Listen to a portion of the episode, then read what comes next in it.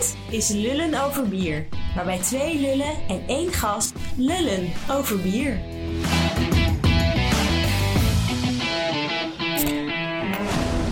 En vandaag de allereerste aflevering zonder gast. In Delft. In Delft inderdaad. Waar zitten we? We zitten in Café het Klooster. Normaal vragen we dan wat drinken we, maar dat maakt niet zo heel veel uit. Waarom zijn we in Delft? Dat is wel leuk om eventjes eh, aan te stippen. Nou, wij gaan straks meedoen aan de Zwarte Nacht. Dat is een evenement of een concept. Er is, eh, is nog wat discussie over. Van, eh, eh, van Jasper, de, de eigenaar van het klooster. Mede-eigenaar. Mede-eigenaar, inderdaad. In de vorige aflevering hadden we de andere mede-eigenaar. Marijke. Heel goed. En ik ben heel benieuwd. Volgens mij is er nog weinig over het programma bekend, hè? Ik heb geen idee. Ik weet alleen dat wel vorig jaar Jasper erg enthousiast was en ik erg enthousiast werd van zijn verhalen. En dat ik daarom hier nu ben. Ik was erbij en het was erg gaaf. Top. Nou, nu kwaliteit. Ja. Deze aflevering dient om ehm, eigenlijk een soort wrap-up te doen van de vier afleveringen die we gedaan hebben. Want anders moet je allemaal door gaan luisteren. En ja, dat is natuurlijk maar saai. Ik maak graag een samenvatting. Precies. Ehm, ik denk dat het voor onszelf vooral nuttig is om die samenvatting te maken. Om te kijken, heeft dit nou nut gehad of niet? Ehm, ja, laten we eerst eens de aflevering doorlopen. Nou, we hebben eerst met, eh, met Willem gezeten van de grote brouwerij Heineken. Willem van Waasbergen. Wat een kerel, hè? Ja, dat eh hele mooie kerel. Ik was ehm, oprecht eh, onder de indruk van hoe hij sprak over kwaliteit, hoe zij daarover nadenken. Nou. Ehm, maar ik zat vandaag dus eventjes na te denken over wat hij nou precies zei. En ik ben het daar toch ook deels niet mee eens. Dat mag. Ja, dat mag zeker. Maar Waarom ben je het er niet mee eens dan? nou, hij zei heel erg, ehm, de kwaliteit begint bij smaak. Ja. Ehm, Die invalshoek verbaast mij dus ook heel erg. Ja. Ik had verwacht dat dat veel meer op parameters en... op proces, zeg maar. Zo Precies. zitten. Eh, Dat is natuurlijk ook omdat zij dat eh, gewoon volledig onder controle hebben. Dus zij hebben, ehm, ja, hun processen zijn, zijn, zijn gewoon dusdanig geëikt en sta- gestandaardiseerd. Ze weten tot op de 0 tiende alles. Eh, dus ze hoeven zich daar waarschijnlijk niet zo druk meer over te maken. En dan gaat het dus blijkbaar over smaak. De, ja, de- kijk, als je kwaliteit van craft bier gaat bekijken, vind ik persoonlijk dat je hoe het smaakt eh, niet altijd mee kan nemen. En daar bedoel ik mee dat, ehm, eh, stel je voor dat je een, een, een, England IPA koopt. Maar hij is bitterder dan de vorige New England IPA. Of hij is niet geprobeerd om hem zo zoet mogelijk te maken. Dan is dat niet een kwalitatief slechte New England IPA. Of als je een porter hebt die toch gebrand smaakt en niet alleen maar zwart is. Of je, eh, eh, dan gaan de anderen zeggen, nee, dat is een stout, dus dat is kwalitatief een slechte porter. Omdat je niet de promise waarmaakt van een porter. Maar dat vind ik gewoon echt gelul. Ja. Maar die New England IPA, als die eerder al is uitgebracht onder dezelfde naam... en het zou gewoon een nieuwe batch van, dezelfde, van hetzelfde bier moeten zijn... en hij is dan bitterder... dan denk ik dat je daar wel een, een, een eh, dingetje qua kwaliteit aan zou kunnen hangen. Maar er zijn ook zat brouwerijen eh, die zich daar helemaal niet zo druk om maken. Nee, dat is waar. Maar daar komen we straks ook op terug. We gaan straks, eh, denk ik, eh, een hele mooie samenvatting geven van wat, wat deze zoektocht ons in opgebracht heeft. Ja. Onze visie, misschien onze gedachten erover. Ehm, want enige stabiliteit, slash, ehm, ja, je zou als brou- brouwer wel moeten streven naar een baseline. En eh, zoals hij noemde, een referent. Hè? Ja, ik denk dat je die vrijheid als brouwer zelf kunt nemen. Er zijn zat brouwerijen die gewoon alleen maar nieuwe bieren elke keer brouwen. Ja, en dat En die niet ook zeggen van ja... Precies, en dat betekent niet dat de eh, kwaliteit slecht is. Mijn eh, New England IPA, ja, deze keer kon ik wat andere opkrijgen. Dus nu zit dat er even in. Ja, En die hebben zoiets, ja, wij, wij hebben geen vaste core line die Maar- altijd hetzelfde is. En dan ga ik even op een misschien wel een hele foute stoel zitten. Maar er zijn ook brouwers die gewoon geen recept kunnen maken. Die, die niet een lekker in balans zijnd recept kunnen maken voor jouw specifieke smaak. En jouw smaak heeft dus geen reet te maken met kwaliteit. Als jij de smaak van Heineken, die zo goed beschermd wordt, niet lekker vindt, dan kan jij zeggen: Ik vind het kwalitatief echt een rugbier tegenover, ik noem even Bavaria. Ehm, maar dat is natuurlijk niet waar. Zeg maar, dat, jouw smaak heeft niets te maken met de kwaliteit. Helemaal niets. Ik denk dat we dan strakjes nog eens even terug moeten naar een van de eerste vragen. En de vragen die we in elke aflevering hebben gesteld. Wat is nou die kwaliteit? Ja. Maar voordat we dat doen wil ik nog even aanhaken op wat jij net zei. eh, toen je nog eens even zat na te denken over wat Willem nou allemaal vertelde. Dat deed ik vandaag ook. En toen dacht ik eigenlijk dat het ontzettend slim van Heineken is. Met die verschillende productiefaciliteiten. Al die verschillende grondstoffen, die verschillende installaties. Als je dat allemaal moet gaan sturen zodat alle parameters overal hetzelfde zijn, dan maak je het volgens mij ontzettend moeilijk voor jezelf, zo niet onmogelijk. Maar smaak is de enige constante die zij als belofte naar de consumenten over de hele wereld doen. Het maakt niet uit waar je het drinkt en waar het vandaan komt. De smaak en de beleving is hetzelfde. Absoluut, daar ben ik het ook helemaal eens. Maar ehm, het is niet zo dat, dus, dus, dus nu betrek ik het op klein bier, op craft bier, ehm, dat... eh, Die uitdaging heb je niet. Nee, en, en, en, en, en dat een, een smaak die jou niet ligt. Ehm, nou, een mooi voorbeeld. Jij drinkt nu een Juniper Seizoen. Saison van Brew by Numbers. Ja. Er zit een licht zuurtje in, had je misschien niet verwacht. Je had misschien frisser verwacht, et cetera. Dat is niet kwalitatief een slecht bier. Ondanks dat de smaak niet is wat je verwacht hebt. Klopt. Maar als dit bier een andere batch niet zuur zou zijn... en dit is opeens zeg maar zuur wat, wat hij dus nu is...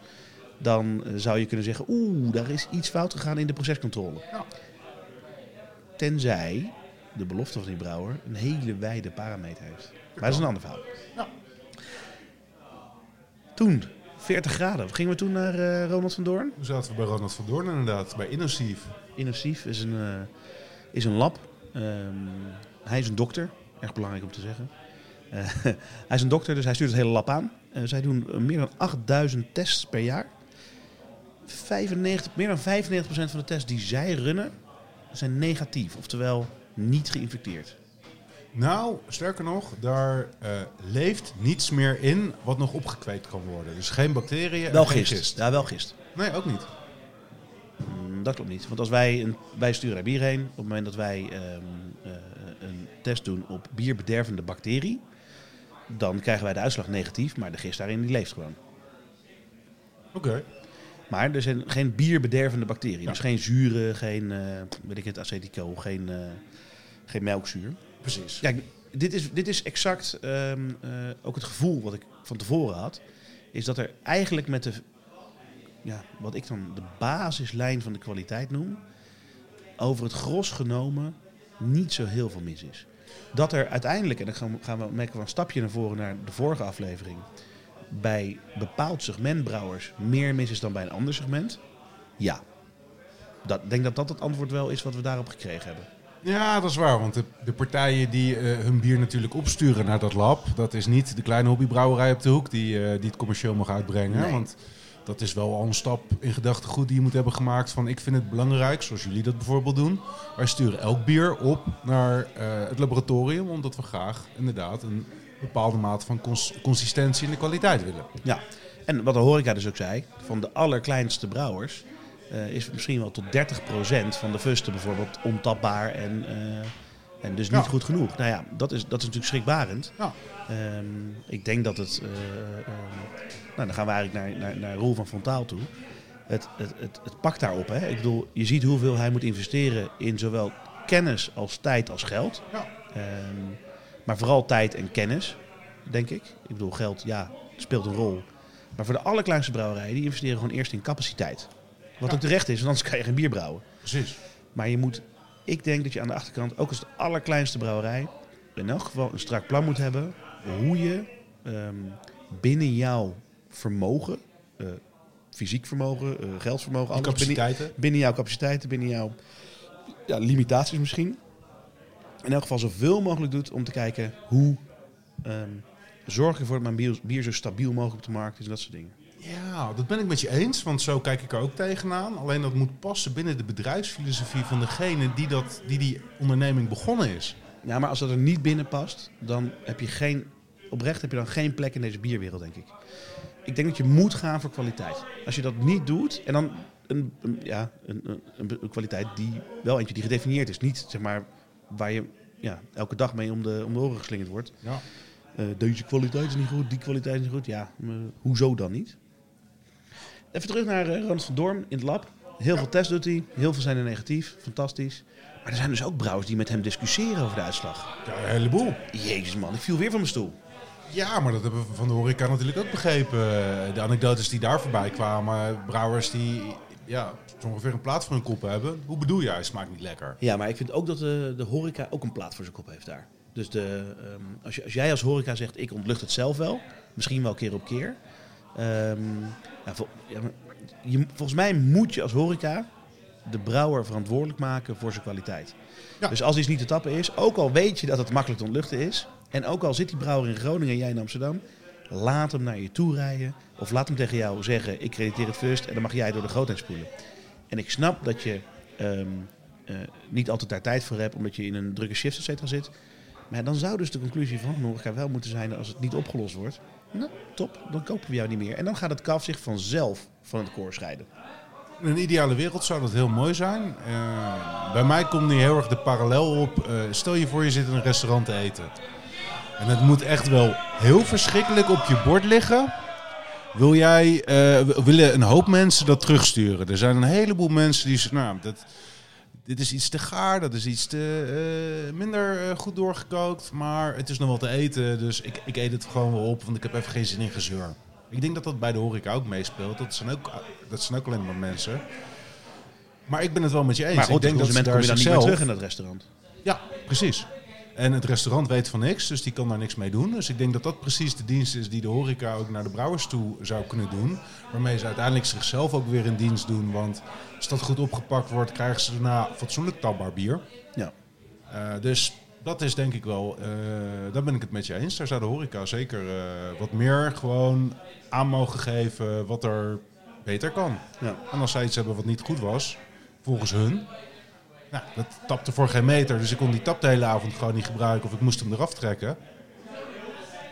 Dan mag de brouwer dat best weten. Hè? Dan is het aan de brouwer wat hij daarmee doet. Nou, mag de brouwer best weten. Ik vind, ik vind het een verplichting van, uh, van de markt. Ja.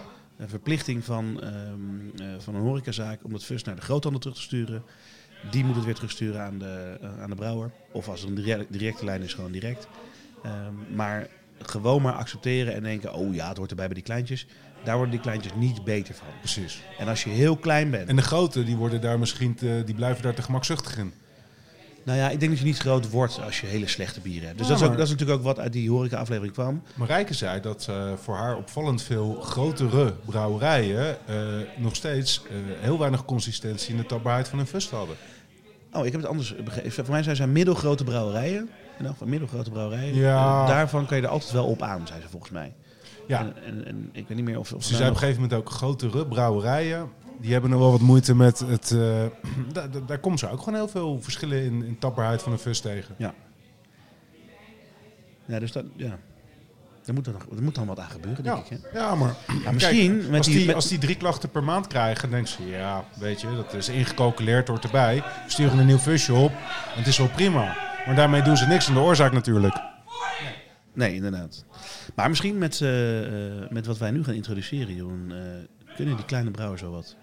Dat denk ik zeker wel. Hoe moeten we, moeten we... Eigenlijk hadden we een jingle moeten hebben hiervoor, hè? dus als jij nou... prrr, toef doet, dan zeg ik... Ja, daar ben ik heel slecht in. Oké, nou ja. Daar komen ze dan. De lullen over bier. Bierkwaliteit geboden. En dat zijn er vijf. Geen tien gelukkig. Zo bijbels zijn we niet. De allereerste is de allersimpelste. Maak je verpakkingsbelofte waar. Als jij bier in een fus stopt, zorg dan dat er ook x aantal bieren uit dat fus te tappen zijn. Geen schuimoverschot, geen onzin, gewoon tapbaar bier. Bier in een fles, bier in een blik, geen explodaties, geen eh, scheuren. ehm, en zeker niet dat het over je tafel eh, heen spuit. Het moet gewoon in, het- in de Heel fles blijven. gevallen aan je plafond zit. Precies. Het is hier trouwens heel gezellig. Dat eh, horen jullie ook op de achtergrond. Het is vrijdagavond in de studentenstad, hè? Precies. Ehm, nummer twee. Test je bieren. Er zijn een hoop faciliteiten die je kunnen helpen bij het eh, objectief vaststellen van de waardes waar je bier aan voldoet. Dat kan je prima met ze afstemmen en er zijn ook hele goede standaardtesten voor. Dat geeft je gewoon een constant, eh, consistent stuurmiddel om de kwaliteit van je bier te blijven monitoren. En zelfs als je niet iedere batch test en je hebt een ander schema daarvoor in je hoofd, om bijvoorbeeld eens in de tien te doen, om dan te kijken of dingen groeien, niks. is al beter dan niks. Maar doe nou het allerminste, en dat is zet van elke batch een x aantal flessen in een warme kast, graadje of 28.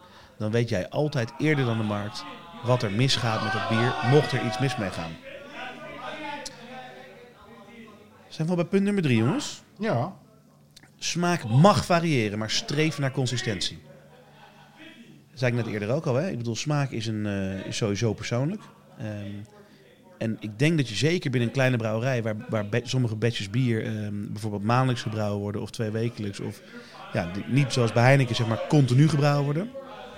Dat het oké is als je ehm, enige, ja, laten we zeggen 5% variatie hebt naar boven en naar beneden in hoe intens een Roma is, hoe eh, bitter een bier misschien wel is. Misschien niet altijd 5%, dat, is, dat, dat haal ik nu natuurlijk een beetje uit mijn mouw. Maar enige variatie is oké, maar streef nou naar consistentie. Doe nou in je brouwerij alles eraan om in elk geval hetzelfde bier een keer proberen te brouwen. Dat betekent dus onbedoelde bacteriën en gisten, die zeg maar cross-contaminatie in je brouwerij kunnen zijn, moeten weg. Zuurstof moet zo ver mogelijk bij het product vandaan blijven. Licht, warmte, ehm, al dat soort dingen. Ja, daar heb je gewoon niks aan. Nummer 4. Zo, is er voetbal of zo, jongens? Alle Ja, jezus. maar dat, eh, ze zijn het gewoon helemaal eens met, eh, met de vijf geboden. ja, dat is ook wel mooi. Ja. We krijgen gewoon applaus voor, eh, voor deze Precies, conclusies. precies. Gebod nummer 4. Investeer in kwaliteit en capaciteit. Wees liever een kleine brouwerij met goed bier dan een grote met kwaliteitsproblemen. Een kleine brouwerij met goed bier wordt immers vanzelf groter. Hopen we dan, hè? Als de markt een beetje werkt. Ja, maar goed, als daar eh, de uitdaging ligt, dan eh, moet je sowieso eventjes een paar stapjes terug doen. Precies. En dan de laatste, de laatste van de vijf geboden. Neem je fucking vak serieus. Geef goede service aan de horeca. Haal bieren die buiten je vooraf vastgelegde marges vallen van de markt. En hoeveel pijn dat ook doet. En wij weten dat kan pijn doen met een kleine brouwerij. En eh, daar mag je, denk ik, zelfs best wel weer een beetje je voordeel mee doen. Ik denk als je dat bijvoorbeeld op social media laat zien van joh, we hebben deze best, eh, de, de- de- dit bier eh, voldoet niet aan de eisen die wij eraan stellen. Dus helaas moeten we dit nu eh, kwijtraken. Dan mag je dat best laten zien, zodat de consument weet dat jij serieus bezig bent met kwaliteit. Het is ook jammer als dat dan wekelijks een post wordt op social media. nou ja, die brouwerijen zijn er ook. Ja. Gisteren, Ja. was, gisteren was de brouwdag eh, voor... Nee, was het gisteren? Eergisteren was de brouwdag voor ehm, ALS. ALS, inderdaad, Biergeeks Bier. En ik sprak daar ook een, eh, een huurbrouwer. Misschien is er trouwens iets op toe te voegen hieraan. Ehm, een huurbrouwer die problemen had met zijn productiebrouwerij. eh, al een half jaar lang. En daardoor er zelf natuurlijk ook inkomsten misloopt. Eh, huurbrouwers, schuil niet achter je productiebrouwer. En neem zelf dus die verantwoordelijkheid als jij je vak zo serieus neemt. Uiteindelijk staat jouw naam, naam erop en je het laat maken, dat is helemaal jou. Dat heb jij aan te sturen. Ja, dus, dus, ja, dus, dus doe, doe dubbelchecks, crosschecks. Net als in een tussen aanhalingstekens echte brouwerij. Eén check is nooit een eh, volledige eh, kwaliteitscontrole. Ja, ik heb een aantal huurbrouw, eh, huurbrouwers mee mogen maken. En eh, zodra je denkt, ja, het is weer anderhalf uur rijden en ze, ze verpakken het toch alleen maar. Ja, twee maanden later komen geheid die flessen terug. Dus nog één keer. stap aanwezig. Eh, oh ja, wacht, ik moet even kijken waar die outro zit. Nee, ik weet het niet meer. Die, die outro die gaan we er wel weer in mixen. dus nog één keer de vijf geboden van bierkwaliteit. 1. Maak je verpakkingsbelofte waar. 2. Test je bieren. 3. Smaak mag variëren, maar streef naar consistentie. 4. Investeer in kwaliteit en capaciteit. En 5. Neem je fucking vak serieus. Ja, en dan is de volgende aflevering is met Erwin van Mol. Want die sprak Oh. ik op de ehm, ALS Collaboration Brew. En die had nogal wat noten op zijn zang. Oh ja? Wat Ja. had hij allemaal? Ehm Untapped is de dood van de bierwereld. Oké. Eh, de consument is, niet, eh, is eigenlijk te debiel. ja, alleen maar zoete sapjes en, eh en viezigheden. Ja? Ehm, en ja, dat ging allemaal echt helemaal de foute kant op. Dus ik ga heel graag bij hem langs. Ik denk dat volgende hij zijn podium aflevering- moet geven. Absoluut. Erwin van Mol is de volgende aflevering in Eindhoven. Ehm, voor nu fijne feestdagen. En een gelukkig nieuwjaar. Glad van ons. Hè? Ja, hoort er ook bij. Zo is het. Bedankt voor het luisteren naar Lullen over Bier. Volg ons op Instagram en Facebook. Lullen over Bier.